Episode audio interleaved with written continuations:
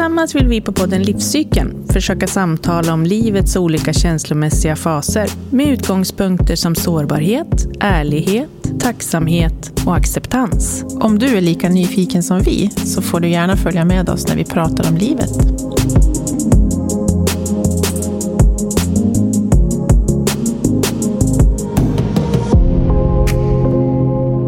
Hej Katarina! Hej Linda. Hej! Och hej Lena. Hej Lena! Hej Linda, hej Katarina. Idag har vi Lena Tolvers med oss. Mm. Yes! Berätta lite om vem du är. Ja, vem, vem är jag? Varför, varför sitter jag här i Ja, soffan? sitter det? Det, det är ditt fel, eller ditt rätt, Katarina. Ehm, ja, egentligen... Jag, jag tänkte så här, jag ska berätta lite grann min, min historia, varför jag sitter här. Mm. Ehm, Gör det. och varför det blev som det blev. Det var inte alls meningen att jag skulle sitta i en sån här soffa från början.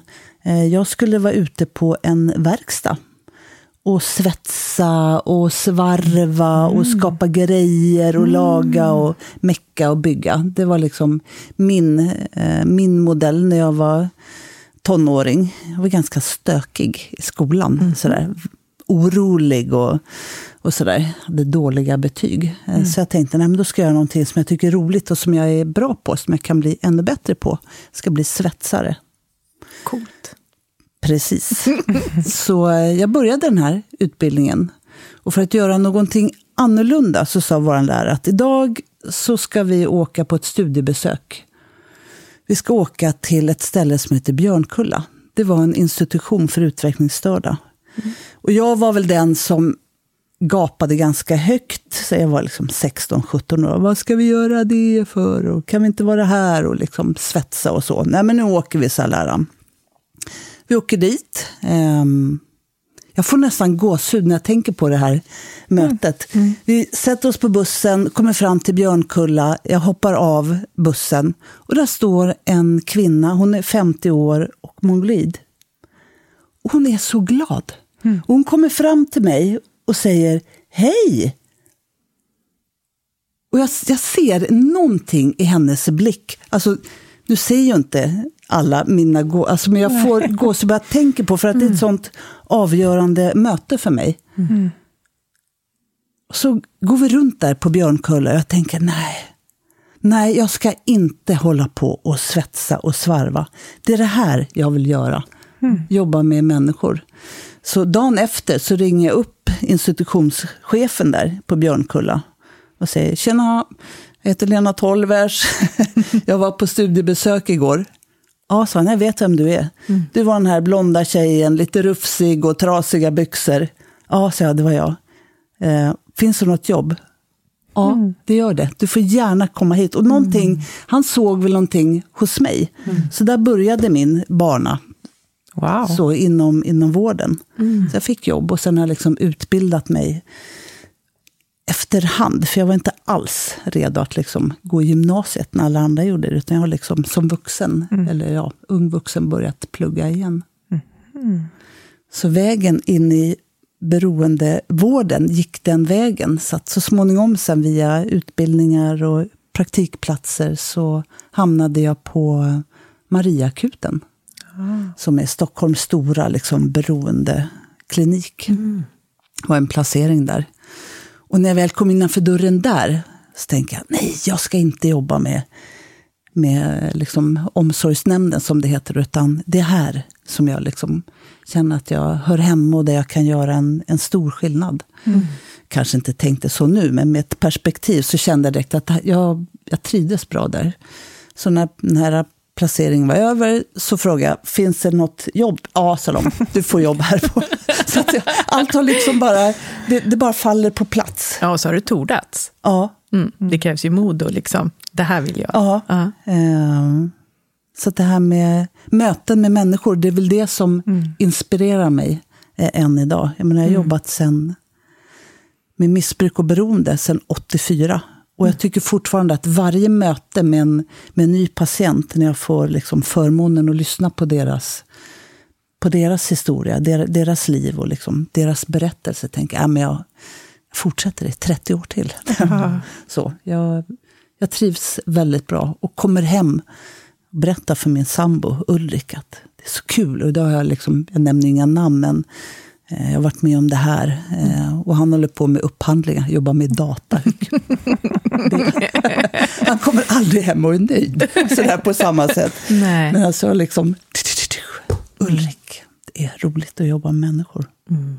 Ja, det är ju en ynnest, framförallt som du säger, att få ta del av berättelsen. Ja, och få vara bredvid en förändring. Ja. Mm. Mm. Tänker jag. Det är, ja, mm.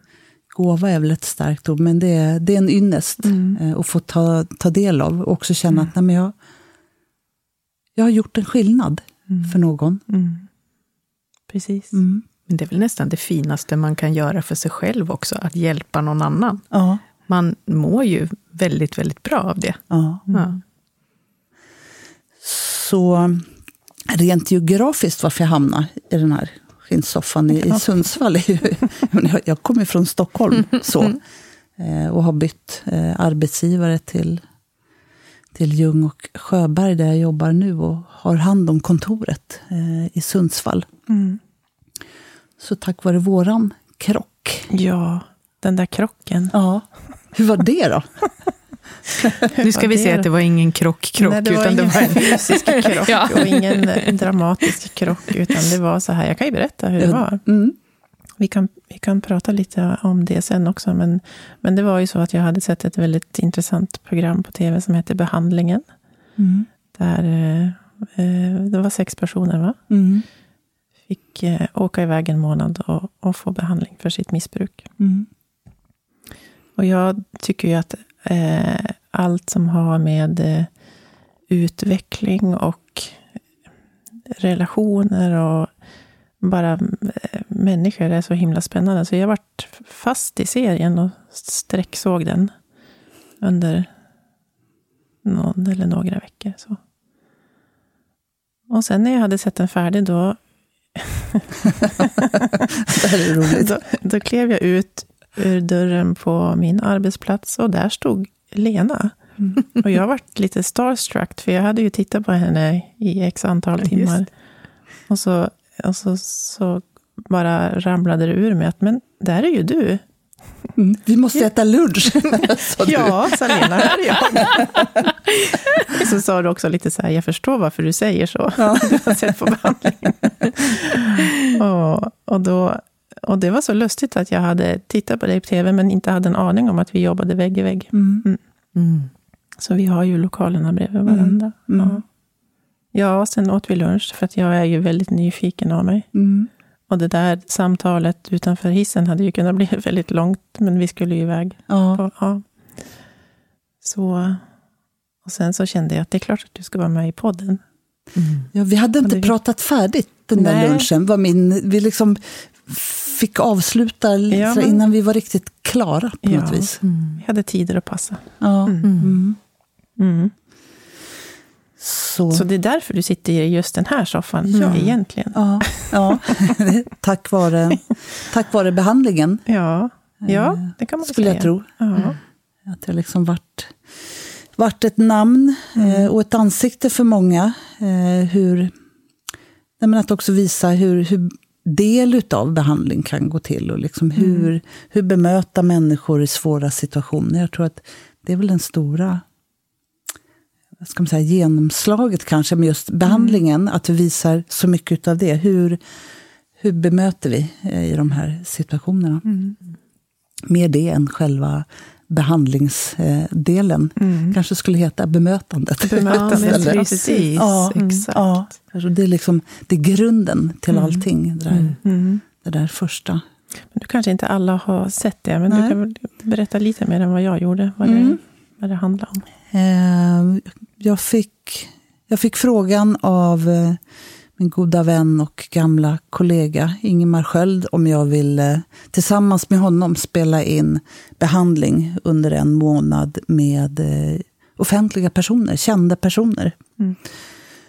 Eh, och där kom väl min spontanitet in sådär. Munnen svarar innan hjärnan tänker. Ja, men hur svårt, det har jag aldrig gjort. Hur svårt kan det vara? Nej, men just att jag litade också på Ingemars eh, omdöme. Om han, om han vill ha med mig på en sån här eh, produktion så, så tror jag att det blir bra. Eh, han känner tillit till mig och jag känner stor tillit eh, till honom. Och sen eh, tänker jag om, om det här kan göra så att eh, man börjar prata om det här på ett sätt utan, utan skam.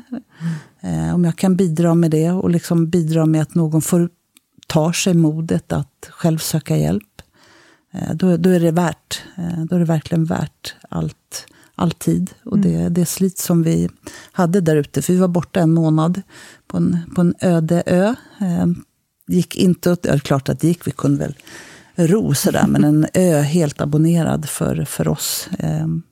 behandlingen och deltagare och hela produktionen, så att det var många mm. människor runt omkring oss.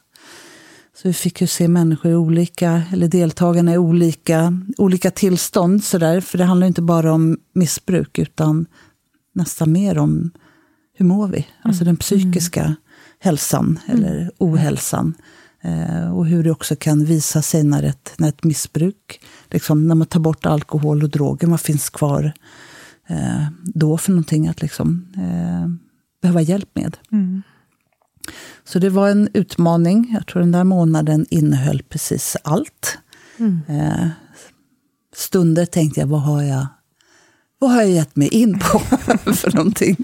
Eh, nästa stund så var det, ja men det här är också en, eh, det är en ynnest att få vara med om. Jag är också smickrad att jag blev tillfrågad och att produktionen ville ha mig. Mm.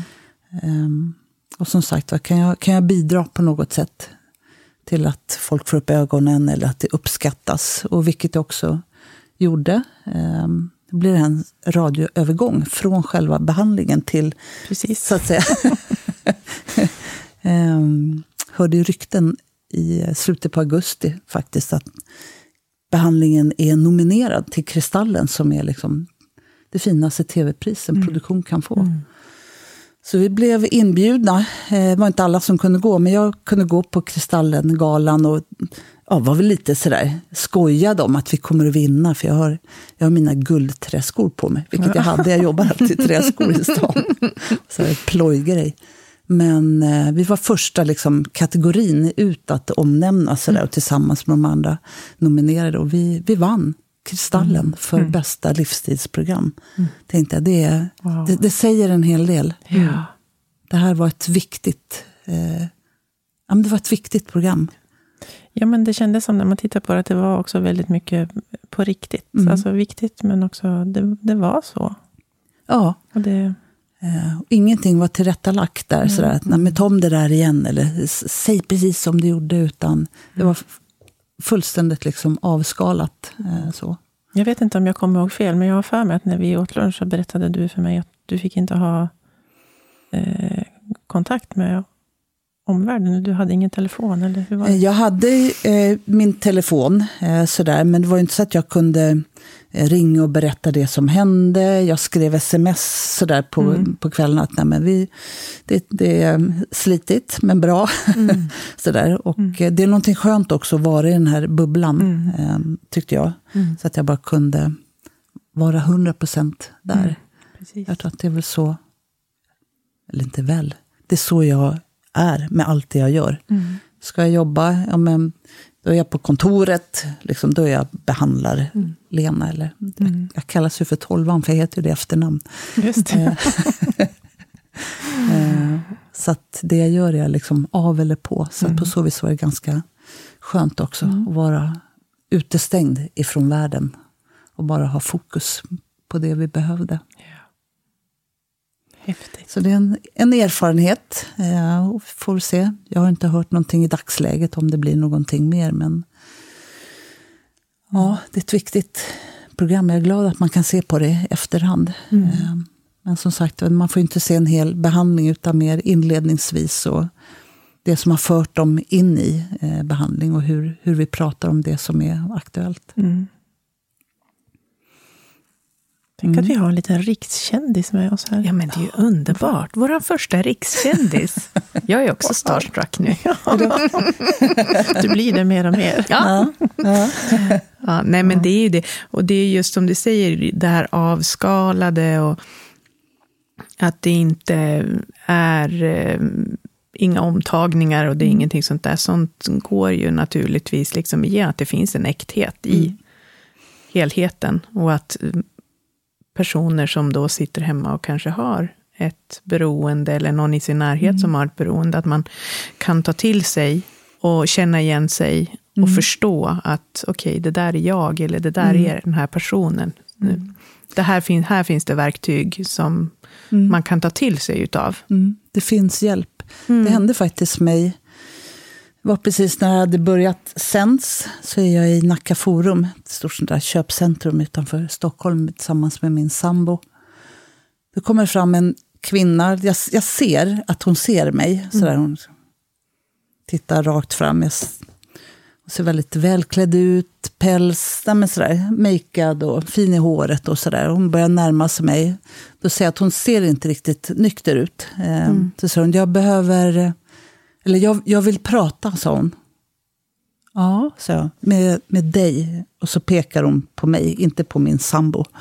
Så Ulrik liksom piper iväg. Mm. Hon, jag, jag känner igen dig.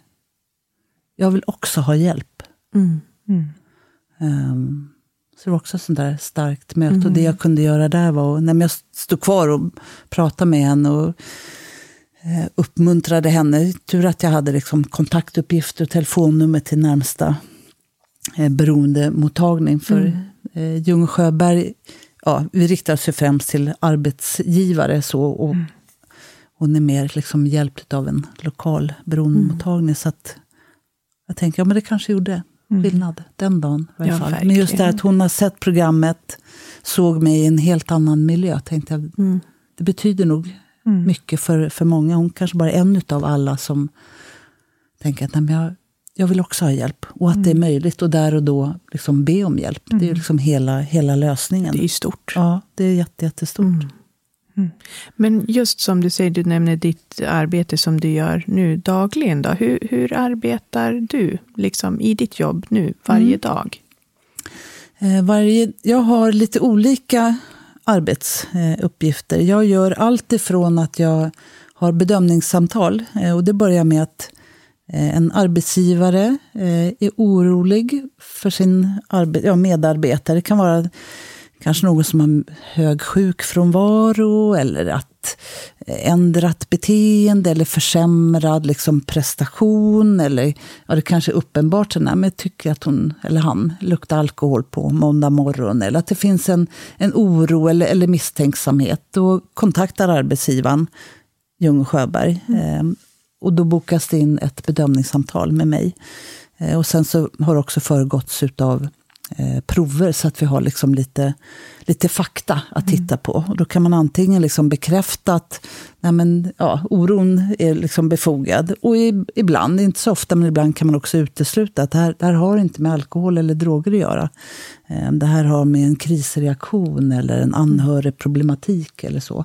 Så att jag har det här samtalet med han eller hon. Där jag liksom kartlägger, jag ställer frågor om alkohol och uppväxt. Och där jag liksom försöker få eh, en, en bild av eh, dels hur ser det ut nu, hur ser det ut bakåt. Eh, Så det är en del av det jag gör. Och den här personen sen träffar en läkare, en sån specialistläkare hos oss. Sen har vi en konferens i behandlingsteamet där vi liksom samlat tittar på, nu tittar på provsvar, tittar på min bedömning, eh, läkarens bedömning. Och så återger vi det för eh, ja, framförallt patienten men och arbetsgivaren. Att det här, det här är vår bedömning, det här har vi sett. Och utifrån det så rekommenderar vi antingen ingen insats alls, nej, men det här har inte med missbruk att göra. Eller är vi lite osäkra. Eh, vi, vi vill gärna ta flera prover, alltså följa det under ett halvår och bara liksom se om vi kan fånga upp någonting. Eh, eller så kan det vara så att, det är, att vi ser att det är ett riskbruk, alltså man tittar på olika alkoholmarkörer och lyssnar på vad patienten själv berättar. Då har vi en insats som riktar sig mot att dra ner konsumtionen.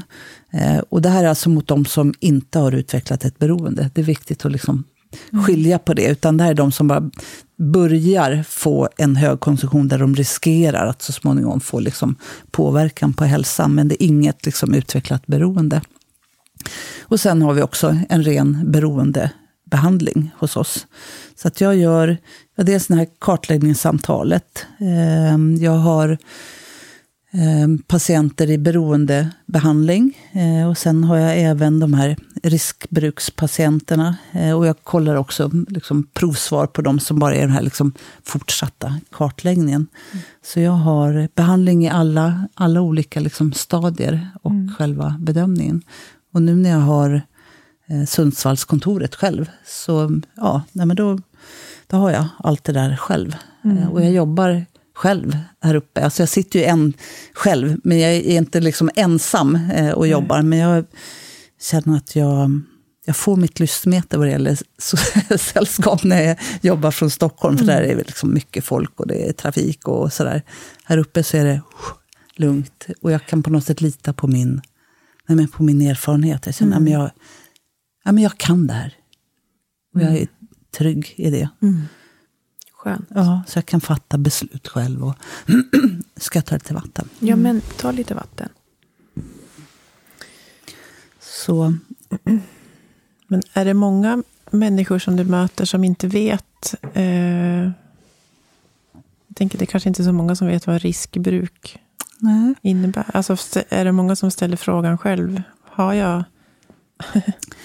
ja, alltså det där det är nog den svåraste gruppen att jobba mm. med, alltså ett riskbruk. Dels framförallt om de själva inte är den som har liksom kontaktat Ljung och Sjöberg, om, om det bara är arbetsgivaren som misstänker. Eh, för i det här läget så upplever de flesta inte några, några konsekvenser. Ja, men jag dricker inte mer än, än någon annan. Alltså jag festar lite grann på helgen och sådär. Där är det viktigt att liksom titta på den medicinska biten eh, utifrån vad provsvaren visar. Där finns liksom klara riktlinjer, så att säga. Där vi liksom ser att en patient ligger på ett värde över liksom riskbruk, så pratar vi om det. Även om du inte liksom upplever att din lever eh, far illa just nu, så visar proverna på att fortsätter du dricka på den här nivån, så kommer din kropp snart att reagera eh, mm. på det. Sen finns det en annan, liksom, jag behöver inte prata om specifika liksom, decimaler och så, men och nästa värde om de ligger liksom på Eh, farligt bruk, så att säga, eh, medicinskt skadligt bruk, eh, då är det ett ännu skarpare läge att här, här kommer du att få, innan så är det här riskerar du att få skador. Så det är viktigt att vi har nej, prover. Och liksom i den här insatsen så handlar det mycket om kunskap eh, faktabaserad kunskap. Det här händer. Man också lär sig att titta på vad har, vad har alkoholen haft för ett syfte? På vilket sätt kan jag liksom dra ner på konsumtionen? Vilka beslut behöver jag ta nu och framåt? Mm. Eh, och att patienterna inledningsvis under 12 veckor är helt nyktra för att också kunna återhämta sig. Eh, för att sen eh, sista delen på den här insatsen så ska de dricka på enheter och det är ganska spännande. Det innebär att de två gånger i veckan får dricka max fyra enheter. Och vad är en enhet? Ja, precis. Det är inte mycket alls. Det är, det är väl jättelite. Är det inte 1,25 ja. centil eller deciliter? Ja, precis. Eller om man omvandlar det med, till öl, då, ungefär en, flaska liksom, mm. vanlig starköl. Så. Mm. Eh, och där finns det ju rikt, riktlinjer som har legat väldigt högt. Alltså för män har det varit nu ska jag säga 14 eller 15 enheter per vecka, för mm. kvinnor 9. Men nu så, jag vet inte om det är riktigt liksom stämplat ännu, men att sänka det till 9 även för, för män. Eh, och jag tänker själv, jag menar det, det är ganska mycket alkohol att få i sig på men en är vecka. Är det alltså, alltså det under Social... 9 glas vin så finns det ingen risk? Det finns man... alltid eh, risk med att dricka alkohol. Mm. Och vi är ju också olika känsliga det låter eh, för det. Ja. Mm. Men jag tänker liksom i dagsläget, för det är ju mycket det här ja, men sociala ja. liksom drickandet och att vi är lite kontinentala nu i Sverige liksom oh. i det här. Att, men samtidigt så finns också den här helgfesten liksom mm. kvar. Mm. Så att det måste ju vara väldigt lätt att det liksom spiller över. Ja. Alltså. Eh, och det är spännande att säga det, men tidigare så hade vi verkligen det här liksom supparvanor. Sådär, liksom dricker, binge drinking nästan, men verkligen dricka mycket och stark mm. alkohol på helgen. Mm. Eh, och sen senaste åren har vi liksom anammat det här after work och lite mm. vin hos mm. frissan. Och liksom, nej men det där lite softa. Ah. Och det är inte så att de här andra vanorna har upphört, utan nu har vi både liksom supa hårt på helgen och sen så liksom emellanåt där liksom ha lite findrickeri och, mm. hos frissan och det här liksom mysiga kontinentala, så att det inte är så att vi har bytt ut det. Mm. Um, men um, och det, det som du säger, det, det, är lätt att det glider in i ett beroende. Ja, men jag tänkte säga, liksom, för när blir det då verkligen ett beroende? Mm. Um, det är ju när, när konsekvenserna, alltså mina medicinska, mina sociala konsekvenser, när jag liksom eh, åsidosätter mina liksom, basala behov, eh, familjens behov, eh, när arbetet får konsekvenser, när liksom alkoholen är eh, det primära i de val jag mm. gör. Sådär, jo men eh, vi kan vi ska åka ut och segla, men då ska vi också ha med oss en hel liksom, back med bira. Att det liksom, mm. i det läget är ölen som är viktig, inte segling, utan det är liksom där alkoholen är central. Men framförallt eh, när det handlar om eh, konsekvenser. Och grundbulten i, eh, när vi liksom pratar om diagnoskriterier och så, mm. så är det ju alltså en, en kontrollförlust. När jag dricker mer än vad jag själv vill, mm. dricker mer än vad jag har liksom bestämt. När det blir, ja, jag tappar kontrollen både över tid och mängd. Och att det här är liksom återkommande. Jag tror mm. att vi alla har väl liksom, ja men det där har väl hänt när man var liksom ung. Sådär. Mm. Men när det här är ett återkommande liksom beteende, nej men kan inte liksom sluta dricka. Jag har tagit två, tre öl så bara mm. rullar det på. Mm. Ehm, jag tänker den är liksom tydligast när vi pratar om beroendekriterier. Så där. Sen finns det andra också, när ja, sociala konsekvenser och sug och mm. abstinens och eh, hälsan och ja, bland annat. Men jag tycker det här med eh, kontrollförlusten, eh, om den inte fanns, ja, då skulle det heller inte finnas något problem. Mm, så den är väl liksom central eh, i det. Det låter lite som att när, när alkoholen, som, om vi nu pratar om alkohol, mm. när det får eh, styra livet lite, mm. Mm. mm. då är det ett beroende. Mm. Mm. Men kroppen, alltså, hur, om man tänker på levern då, vad klar, klarar den av liksom, nio glas vin i veckan utan att... Jag har, alltså jag har träffat patienter som reagerar starkt både långt innan liksom, som är betydligt känsligare än många andra. Mm. Eh, så att det är åt bägge håll. Sen har jag mm. träffat en del patienter som är otroligt eh, försupna och har druckit betydligt mer än så. Men där lever fortfarande. Mm. Eh, men då får man liksom titta på andra konsekvenser vad det mm. gäller nerver, muskler, mm. infektionskänslighet och diabetes. Alltså så. Ja. så det, det, är inte så att man liksom helt riskfritt, mm. varenda, varenda liten cell eh, påverkas mm. utav alkohol. Det är, mm. den, det är den smutsigaste drogen vi har. Mm. mm. Man kan tänka, ja men heroin är mycket värre. Men det mm. går liksom bara på en liten receptor. Man liksom le, le, leker med tanken, det här är ju en sån ett, ett omöjligt mm. experiment, men mm. om det skulle gå att liksom använda heroin jag ska absolut inte göra någon reklam för heroin, men bara som en jämförelse hur, hur smutsig alkoholen är. Mm. Man liksom, om det gick att använda heroin helt riskfritt med liksom rena sprutor, man skötte om hälsan, tänder och liksom behöver inte utsätta sig för någon prostitution eller liksom allt det, om man lägger det åt sidan, mm. så skulle det inte påverka kroppen överhuvudtaget. Mm. Om man liksom kunde klara sig från infektioner, som är liksom en bieffekt av liksom smutsiga redskap och mm. att man blandar upp det så. Mm. Medan alkohol påverkar varenda cell, alltså i hela kroppen. Mm. Och ändå tänker man tvärtom. Ja, det är det jag menar. Mm. Ja, för det. Ja, men det precis. Alkohol är ju fint. Liksom. Ja, det är ju det, så det, gott och Ja, det är gott och fint och mm. lyxigt. Liksom då. Mm. Ja. Mm. Men vi har ju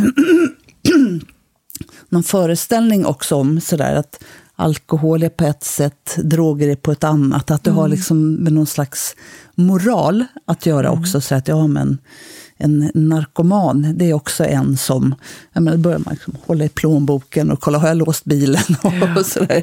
Mm. Att det liksom ligger något slags um, ja, moraliskt dilemma i hur vi mm. förhåller oss till liksom, mm. en alkoholist eller en narkoman. Uh, men det är ju inte där det, är inte där det ligger. Jag tror ingen, ingen väljer uh, att liksom hamna i det beroende de är i. Men för det är ju lite spännande det du precis sa nu. För det där vet jag ju, hör man ju olika från mm. olika personer beroende på vem man frågar. Deras egna erfarenheter eller erfarenheter av personer runt omkring. Mm. Vissa är ju väldigt sådär tydliga med att de tycker att ja, men, eh, alkoholism det är ingen sjukdom. Mm. Eh, och vissa tycker att jo, men det är en sjukdom, för att någonstans så startar det eventuellt i en psykisk ohälsa, i en kris, kanske i en mm. diagnos, mm. man kanske själv medicinerar. Va, hur, vad tycker du? Vad säger du om ja. det? Eh, jag är väldigt övertygad eh, om och också fakta visar på de förändringar i den delen av hjärnan som har med vårt belöningssystem att göra, mm, där precis. beroendet sitter. Så jag har, det finns inget tvivel om att det är, är en sjukdom. Mm. För i ett beroende så sker det eh, kroniska förändringar i de strukturerna som har med vår belöning att göra. Eh, och liksom en ökad stresskänslighet och liksom mm. massor med olika konsekvenser i hur vi liksom beter oss och hanterar eh, impulsivitet och konsekvenser och så vidare. Eh, och om det inte, in, inte vore en, en sjukdom, så att säga, om det bara handlar om att ja, men skärp dig. Eh, mm. Den, den, modellen har ju också funnits. Så där, ja, men, vet, på 70-talet så trodde ju socialtjänsten att vi har hittat lösningen på hur vi ska liksom mm. hjälpa stans missbrukare. Mm. Det var många som fick en hund. Mm. Eh, sådär. Ah, ja, nej, men om Grattis. behöver någon och liksom klappa. Om du bara får det här nu så kommer du att ah. sluta knarka. Men det, det sitter ju inte där. Eh, så fall skulle man liksom kunna... Vad enkelt livet ja, vore då. Jag skulle kunna säga i den här podden nu, hörni, det är inget bra att dricka för mycket eller knarka. Sluta med det, för det är jättefarligt. Men det sitter ju inte i vårt liksom, nej, logiska nej, tänkande. Nej. Eh, sen kan man liksom utveckla ett beroende av olika, vad ska man säga, man, banan in kan se lite olika ut, men mm. som du var inne på, självmedicinering, absolut. Mm. Om man då hittar ett sätt där jag eh, äntligen mår bättre. Äntligen har jag liksom hittat någonting som gör att min ångest lindras. Jag har hittat mm. ett sätt där jag slipper tänka på det jag har varit med om. Mm, eh, nå någonting som gör mig lugn. Eh, på det här kan jag sova. Det här ja. lindrar min smärta. I det här sammanhanget så får jag modet. Eh, modet att prata, modet att närma mig någon. Mm. Men liksom tidigt hittar liksom, men det här är ju det här är ju nyckeln till hur jag ska vara. Mm. Så är det svårt att låta bli att mm. göra det. Mm. För sen man tänker, när väl ett, ett beroende har utvecklats så finns ju liksom tanken om det där, upplevelsen av att det är det, det, är det här som är det bästa. Det är det här som är lösningen på mm. mina problem. Precis. Det finns ju kvar. Mm. För jag tänker att ja, men, om man då hamnar i en, en kris, mm om man då känner att just den där belöningen, det är det jag behöver. Mm. Kan det då vara så att egentligen så kan ju vem som helst hamna i ett beroende? Mm. Eller ligger det någon ärftlighet, tror du, i det, liksom beroende på vad man har genetiskt? Mm. Och sen tänker jag, kan vi jämföra det med arv och miljö naturligtvis, men framförallt genetiskt, vad, hur tänker du där? Det finns ju liksom studier eh, som visar att vi har en ökad känslighet för att själv utveckla ett beroende om någon av mina föräldrar eller mor eller farföräldrar har ett beroende. Då har jag själv en ökad känslighet med ungefär 60 procent. Mm. Mm. Det är inte så att jag liksom föds som narkoman eller alkoholist, men jag har en ökad känslighet att utveckla det. Sen behövs det naturligtvis mycket alkohol eller droger för att utveckla ett beroende. Men arv och miljö spelar också in. Det här med eh, grupptryck, vad, har jag liksom, vad får jag för en relation till alkohol tidigt? Eh, jag kanske med mina föräldrar märker att ja, men när alkohol kommer fram så är det fest och det är trevligt. Mm. Och det är, liksom, det är så vi umgås. Man mm. liksom normaliserar relationen till alkohol. Mm. Men sen den stora delen är det här eh, psykisk ohälsa. Mm. Eh, många amfetaminister har liksom hittat amfetaminet till en början för att liksom lugna ner. Mm. Eh, hash eller alkohol, att det liksom blir lösningen på ett problem. Mm. Eh, så eh, det är fler, fler delar i det. Men det finns ju en ärftlighet på så vis att det är en, man har inte hittat den där genen så. Nej. Men en, en ökad känslighet. Och det märker jag när jag gör de här kartläggningarna. Eh, hur många det är som har just nej, med mina föräldrar eller mormor eller, eller farfar. Mm. Mm. Eh, om jag skulle ställa samma fråga när jag går till ICA och ska handla eller Konsum. Mm. sådär, bara ställa mig upp och fråga hur många av er har liksom föräldrar eller mor eller farföräldrar som har ett beroende. Så skulle det vara färre i den miljön än de som kommer in på beroendespåret. Mm. Mm. Så liksom, det, det, speglar en hel, en hel del. Att de, de jag träffar har, inte alla, men det är mycket, mycket, mycket vanligare än när jag skulle ställa frågan till gemene man. Mm. Är det inte också ganska vanligt att man, att man har varit i, kanske uppvuxen i en sån miljö? Mm. att man helt tar avstånd ifrån äh. alkohol och droger för att man... Ja, att man blir avskräckt. Smärtsamt liksom. Ja. Eh, både och. Jag träffar också de som liksom nästan slår på sig själv sådär att ja men jag ville verkligen inte. Jag har, liksom, jag har ju sett jag är uppvuxen med det mm. här. Men ändå. Så bägge och. Eh, både en, liksom en, en aversion till, eh, men också de som ändå har liksom mm. utvecklat det, trots att man liksom har den tråkiga erfarenheten att växa upp i en mm. familj. Mm. Ja, och det, mm. är ju, det känns som att det är ju så otroligt vanligt. Ja otroligt vanligt. Och, och just att som med alkoholen, att vi ser ja men det är ju lyxigt och det är härligt mm. och det är fint. Och liksom att just det här beroendet, att det finns ju i alla typer av sociala och liksom sammanhang och i alla skikt mm. i, i, i liksom underklass, medelklass, överklass. Mm, liksom. mm. Den, den, eh, det har ju... Ja. Det är ju extremt demokratiskt. Ja, verkligen. Så. Mm, bra uh, uttryckt. Ja, ja. Uh, och det Tyvärr. kan ju vara svårt att identifiera sig med, med ett beroende om man liksom har bilden av de här liksom svårast utsatta eh, alkoholisterna som vi ser sådär, mm. på torget, eh, vid busshållplatserna mm. och liksom nerkissade och far illa och inga mm. tänder och trasig, liksom tras, trashankarna. För många är ju det, ja men det är det, är det där som är en mm. alkoholist. Mm. Jag som köper bara dyr whisky och har mitt jobb kvar, jag har mm. familjen kvar, jag har en dyr villa och jag har tre bilar. Jag kan ju inte vara alkoholist. Mm. Så det är också hur man liksom identifiera sig med och hur, hur ser jag på det här. Mm. Eh, men det är bara en liten, liten bråkdel mm. av alla alkoholister som vi ser på stan. Mm. De allra flesta har ju liksom nämen sin, sitt nakna missbruk hemma i soffan. Mm. Mm. Så att säga, där det bara är liksom familjen som, mm. som ser.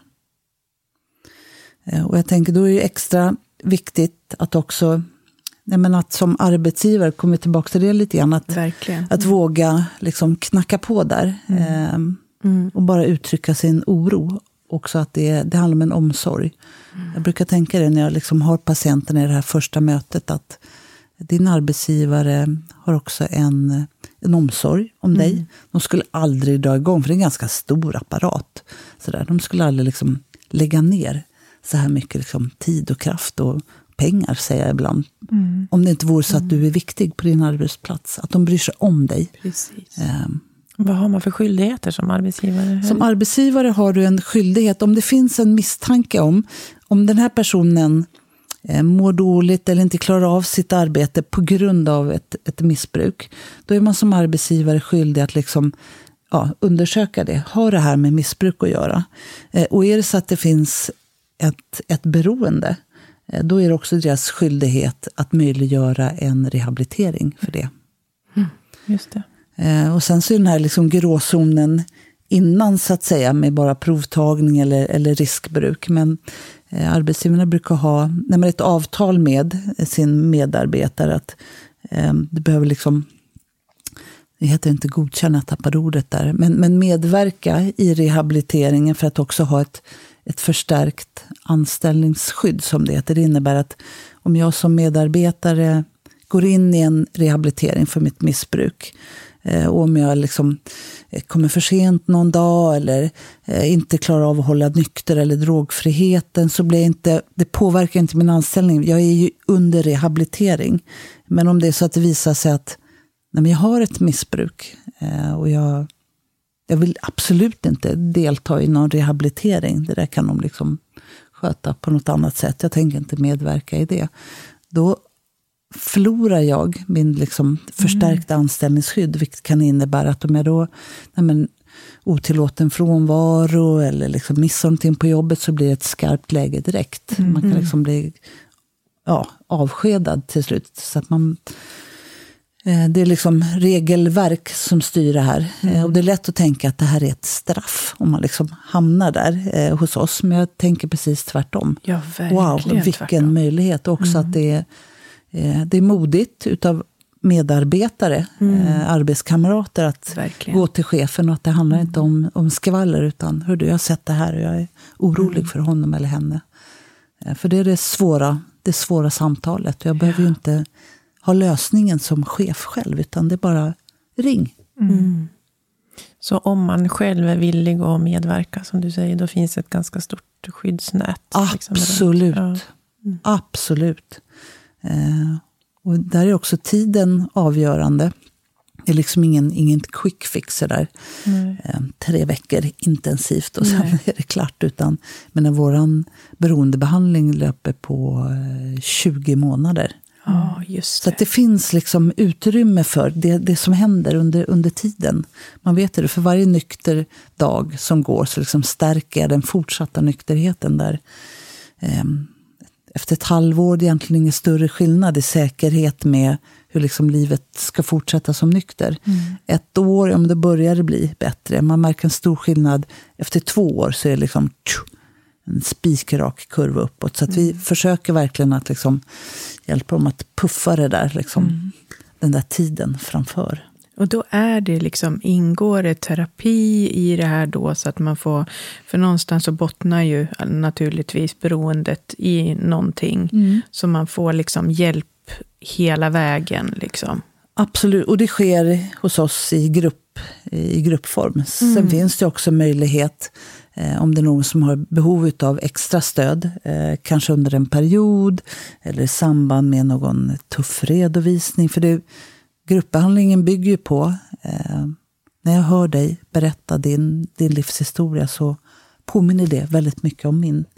Vad skönt att höra att jag inte är ensam. Alltså jag har jag har skämts för det här och jag har skam och jag ångrar det där och det där och det där. Att då få höra någon annan berätta precis samma sak.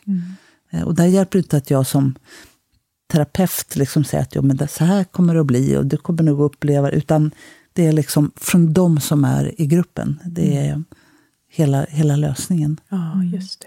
Så att de är inte ensamma. Och det är liksom grupp, gruppterapi med teman och redovisningar. Och, Så hos er så ingår man alltid i en grupp ja, i den del av behandlingen. Mm. Vad fint. Mm. Det är väldigt fint.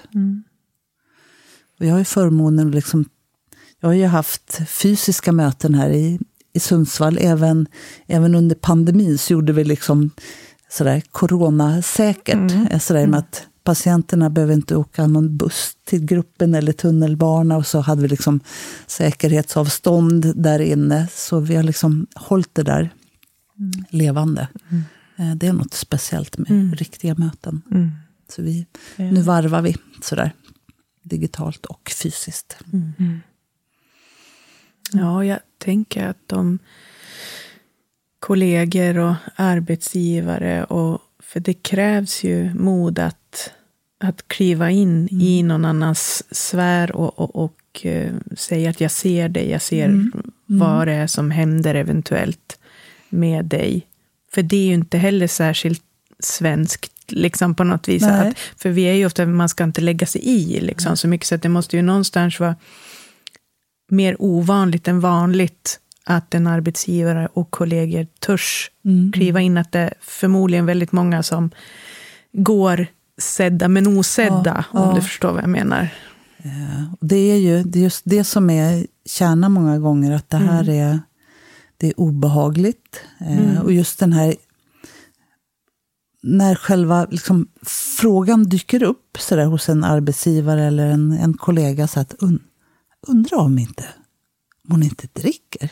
Eller så här, mm. undrar om det inte luktar. Alltså det, redan där finns mm. ju ett svar. Mm. Och vi är fortfarande lite ovana vid det, men vi blir bättre och bättre eh, på det.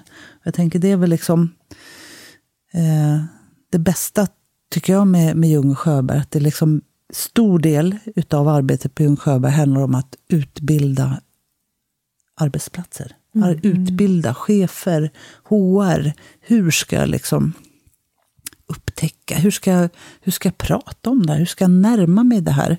Eh, och vem, vem, är, vem är jag? Vad har jag liksom för erfarenhet med mig som, som chef och arbetsgivare? Jag kanske själv har ett, ett gammalt beroende eller är gift med någon som har... Alltså, mm. Så man också liksom håller, håller mm. roller. Vad är, vad är min del i det här så att det blir professionellt? Vad är det bästa man kan göra då?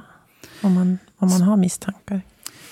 Nej, men, prata med den eh, mm. det gäller. Så att jag, är, jag är orolig för dig. Eh, jag, kommer, jag kommer prata med, med chefen om det. Om jag bara är liksom bredvid kollega sådär. Eh, det bästa är om jag har modet att säga det, att jag är, jag är orolig för dig. Eh, nu har det här hänt och eh, jag behöver, eh, mm. för din skull också, prata om det här med, med chefen. För att jag är orolig, jag bryr mig.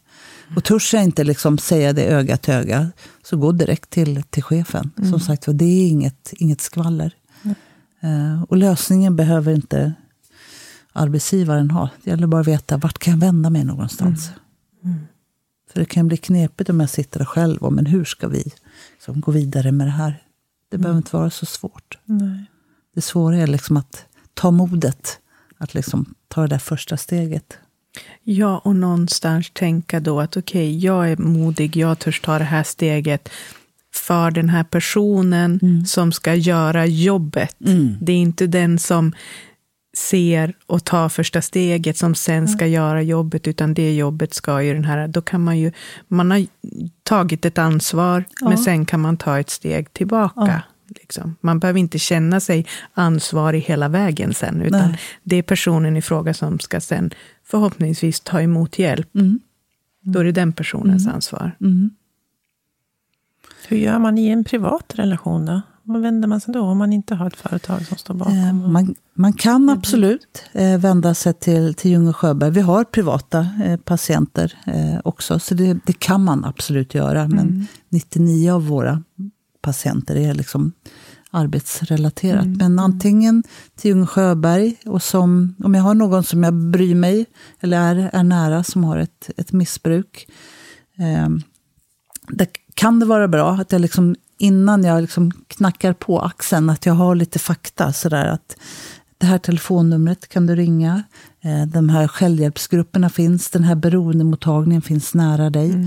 Men framförallt gå på eh, men min, min upplevelse är, jag, nu i lördags så blev du eh, sådär full igen. Eh, jag blev både ledsen och, och orolig. Eh, att jag liksom berättar vad jag har sett och hur jag känner. Så att man förbereder sig lite ja, med de ja, sakerna. Mm. Mm.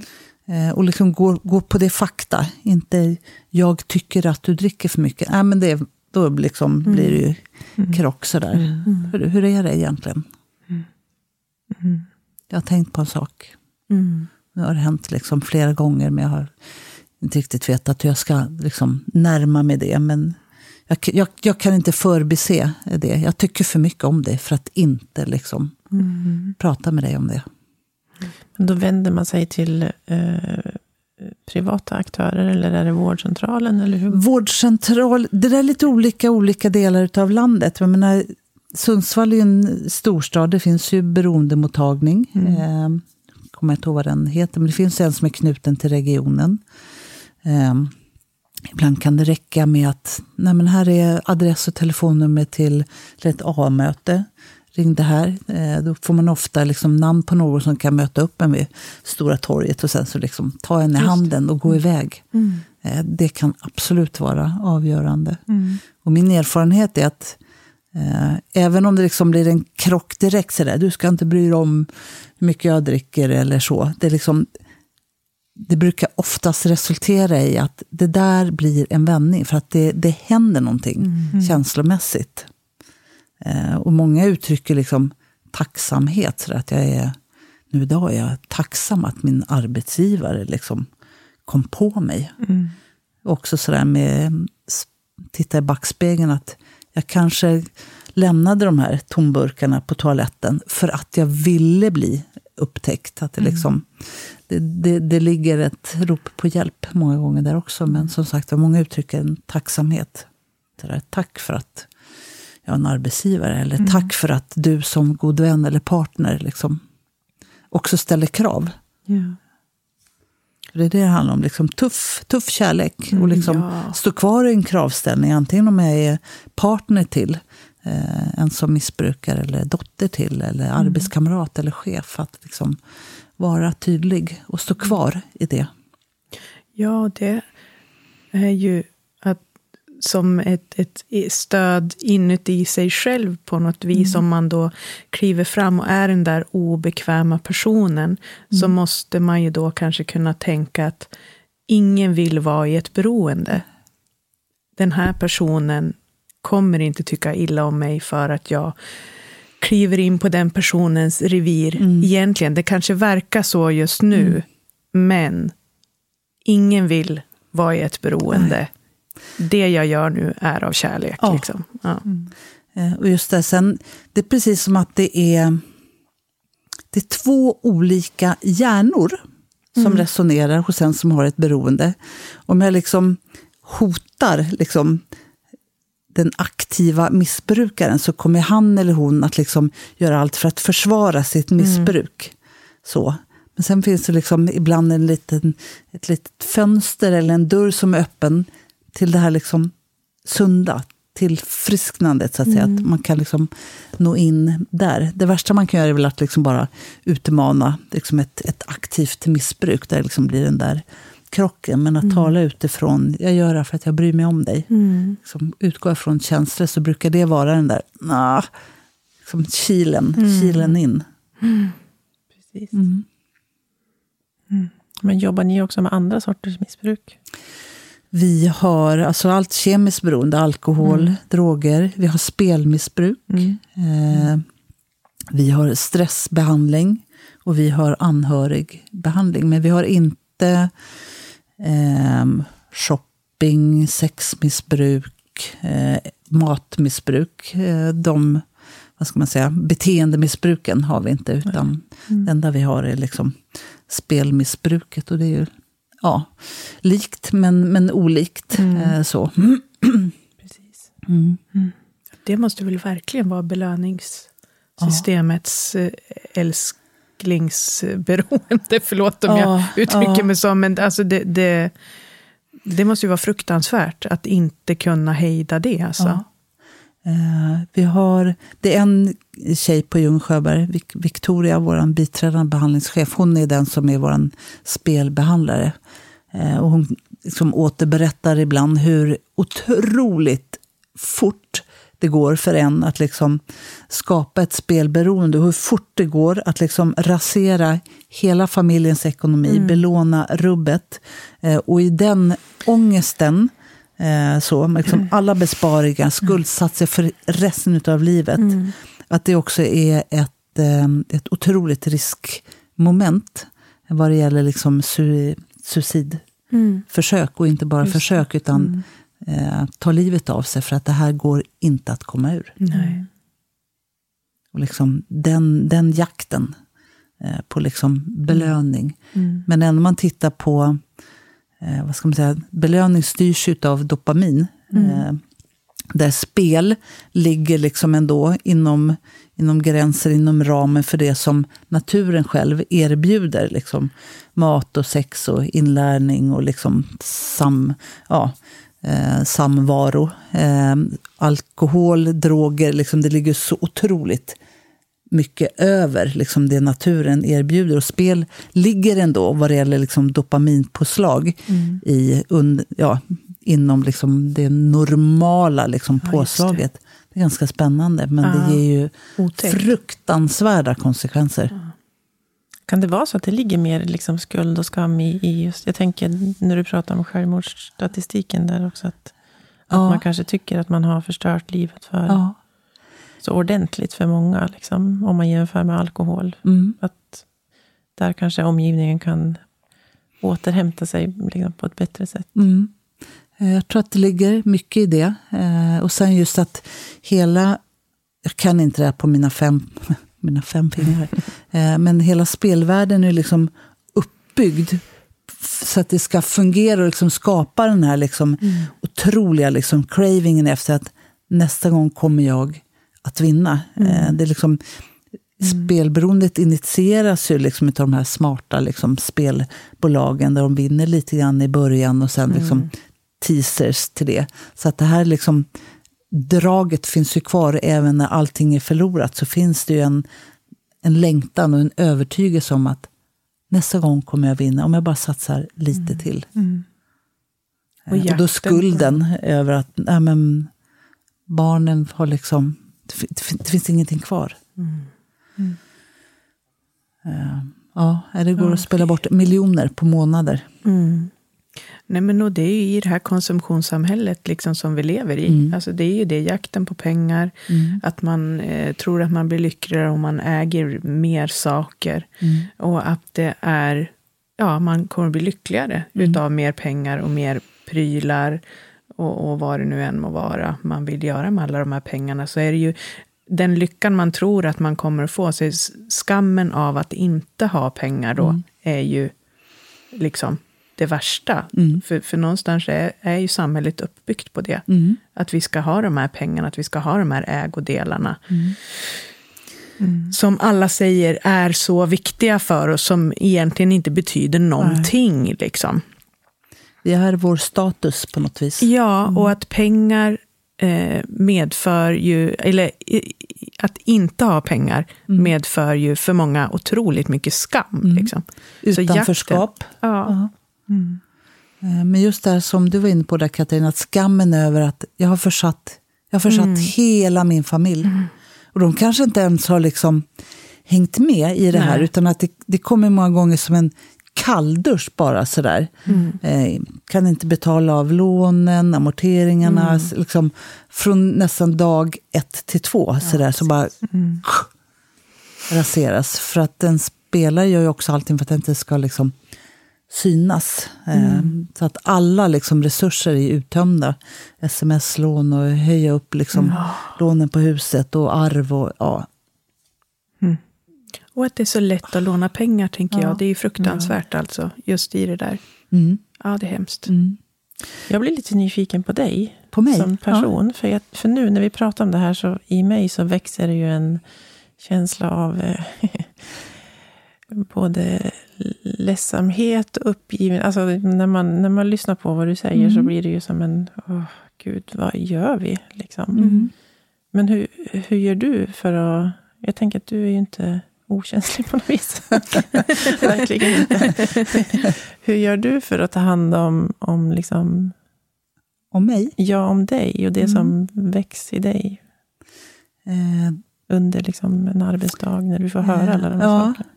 Eh, dels så är jag... Eh, jag, har, jag har alltid varit mån om mig som, som person och min, min tid. Eh, jag, jag hatar, jag fullständigt, det här är ett undantag, ska jag säga, men jag, jag tycker inte om att prata liksom, jobb på min fritid. Sådär. Mm. Ty, pratar aldrig jobb på lunchen.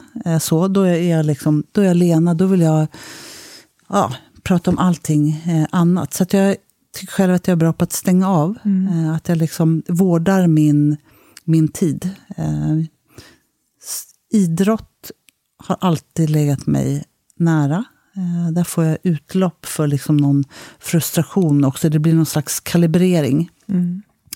Eh, jag cyklar, inte så mycket här i Sundsvall, men hemma i Stockholm så cyklar jag alltid till jobbet. Och det spelar ingen roll om det är 20 minus och snöstorm eller om det är liksom en vanlig sunny day.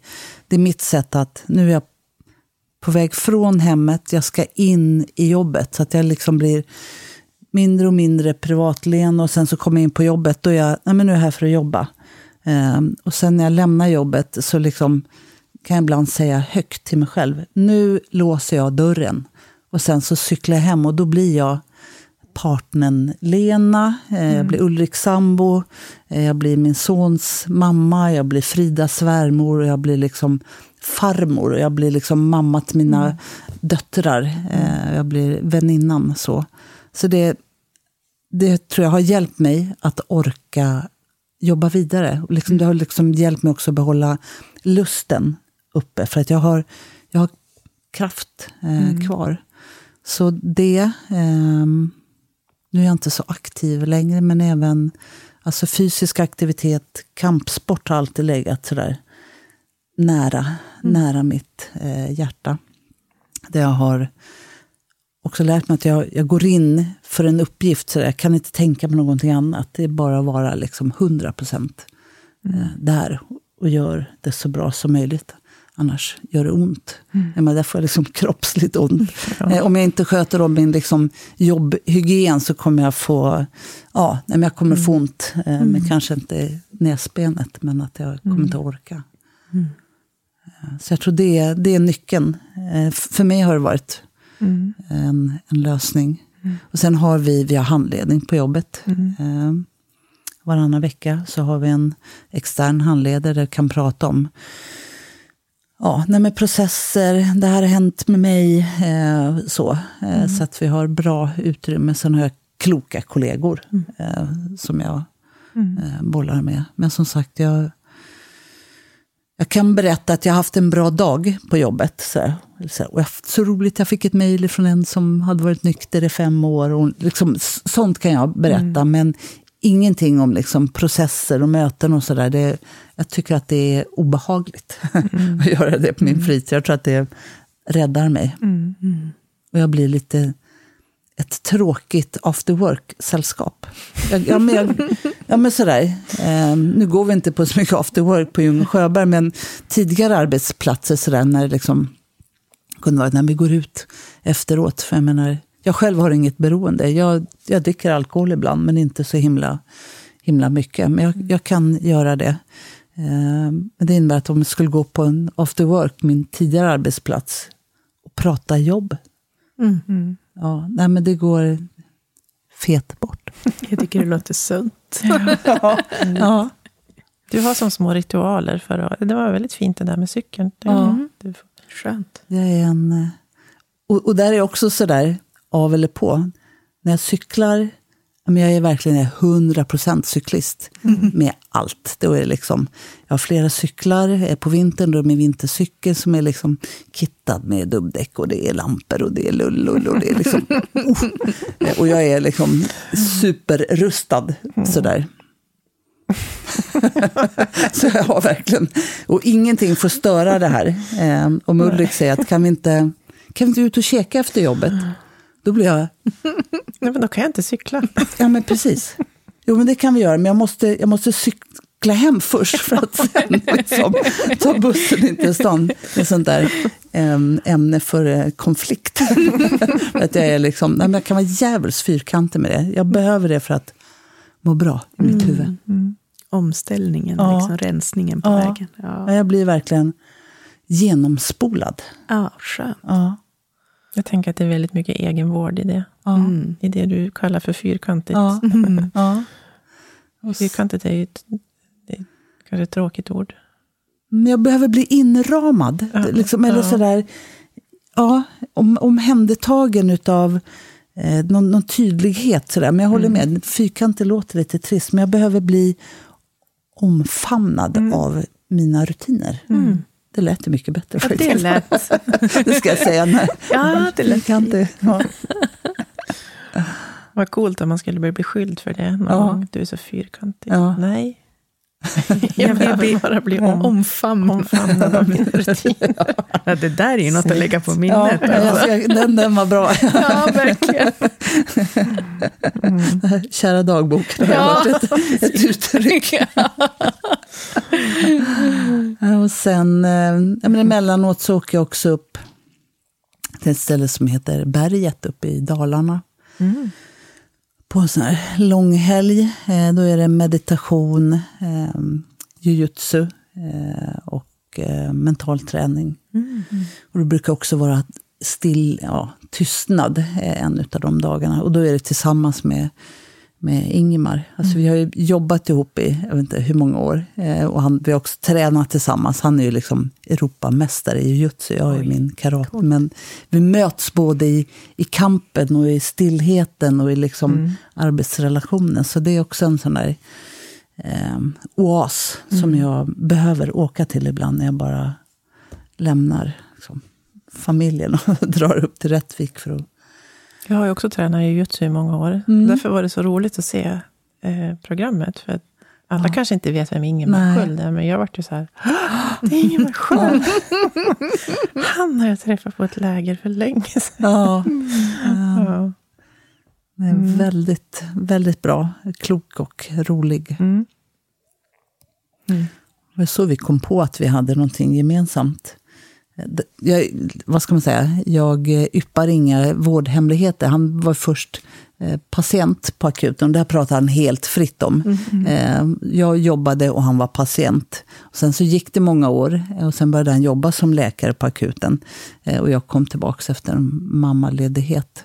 Och jag tror första ronden så, där, så kom jag på att nej, men vi, vi har ju liksom kampsporten gemensamt. Så att från 97 så har vi liksom eh, tränat på arbets, avslutat veckan med att liksom, ja, gå och kampa i Jätte, Jätteroligt. Eh, han som också här, men häng med upp till berget. Eh, Och då är det liksom organiser- det är en organiserad helg. Mm. Eller är det ni som skapar den? nej, det är, en, det är Ingemars helg. Mm. eh, som han håller i. Och det kan, han hade också tidigare tillsammans med föreståndaren där, Per Mases, som var präst där uppe, men han gick, han gick och dog. Så att nu är det Ingemar, och ibland har han också sin sambo, hustru numera, som håller i lite yogapass. Och, ja, de drar där ihop. Det är väldigt fint. Det är en Lisa för själen att bara bli omhändertagen i den miljön. Sådär. Mm. Telefonerna avstängda. Det är ju en väldigt kristen miljö där. Det är Svenska kyrkan som äger det. Eh, och man kan verkligen välja, eh, vilja delta i morgonmässa och så vidare. Jag väljer att inte göra det, men jag tycker ändå om det där. Ja, men det är något fint och rent. Det kan vem som helst åka på. Vem som helst kan åka upp.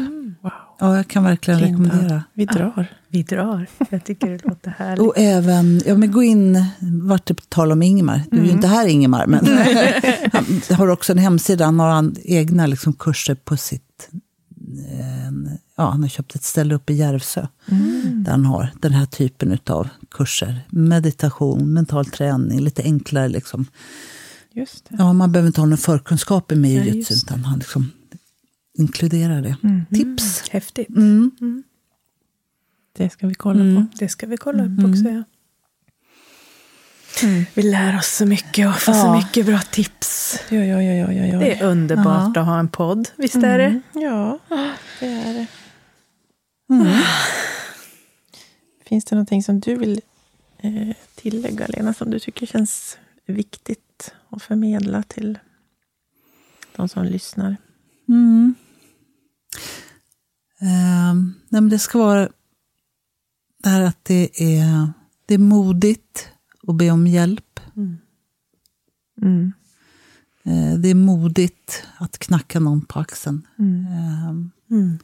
Det går, jag brukar tänka att det, det är aldrig för sent att förändra. Det går verkligen. Eh, Och det finns bra, det finns mycket hjälp att få. Man behöver inte hitta den där lösningen själv. Nej. Och det, som sagt var, beroende handlar ju om att livet funkar inte när alkohol eller droger är inblandade i livet. Men, men för övrigt så är det som, vad ska man säga, vi- vilket liv som helst med liksom familj och jobb eh, och så vidare. Men det är där att det, det händer en annan reaktion när en beroende får i sig alkohol och droger. Vilket gör att inget utav livets olika områden fungerar. Men tar man bara bort det och får bra hjälp så är, är det inga det är inga stackare jag har att göra med. Utan Nej, det är precis. liksom otroligt kraftfulla och potenta människor med liksom möjligheter. Eh, och det är viktigt att liksom prata och belysa det också. Mm. Livet är inte slut för att ett beroende har gjort sig liksom till känna. Tvärtom. Nej, precis. Viktigt. Mm, viktigt. Jag kan tänka mig att när man kommer ur det så är det väl en otrolig Mm, styrka och lärdom och, mm, som man har med sig resten av livet. ja. jag. Jag, hör ibland såna här knasiga saker som att Nej, men idag är jag tacksam över att jag är beroende. Först tänkte jag, men fan är det där möjligt? liksom. ja, men just det här att äntligen få liksom komma i kontakt med det riktiga livet sådär. och slippa alkohol och droger och liksom också få kläm på vad är det för någonting som eh, ja, på vilket sätt har alkoholen och droger spelat roll? Liksom? Hur stor plats har det tagit? Hur kan jag hantera livet nu? Och liksom möta det sådär naket. Och tordas känna känslor Ja. utan att ha ett substitut i. Ja. Och känna att jag är... Fan, jag, är jag, jag får ju vara här, som jag är. Precis. Eh, kan väl vara en slutkläm. Mm. Mm. Bra. Fint. Vi duger. Ja, vi gör det. Mm. Vi får vara med ett tag till. Precis. Är det vårt gemensamma tacksamhets... Eh, säg Det idag? tycker jag Mm. nog, va? Vi duger och vi får finnas med. Verkligen. Vi Ja. får finnas till. Mm. Precis som vi är. Mm. Grymt. Vilket fint samtal, Lena. Ja, Mm. tack Lena. Det här var toppen Mm. verkligen. Tack. Roligt eh, att få vara med, Mm. tycker jag. Tack för det. Det var härligt att ha dig här. Och vi får väl krocka i trapphuset. Ja, precis. Kanske äta lunch utan att berätta om Mm. jobbet. Ja. Precis. Mm. Underbart. Tusen tack för idag. Tack så mycket. Vi ses. Jag heter Linda Westlund. Och Katarina Bergsten heter jag. Vi är väldigt tacksamma för att du följer oss i vår podd. Vill du följa oss även på Instagram så heter vi podden Livscykeln.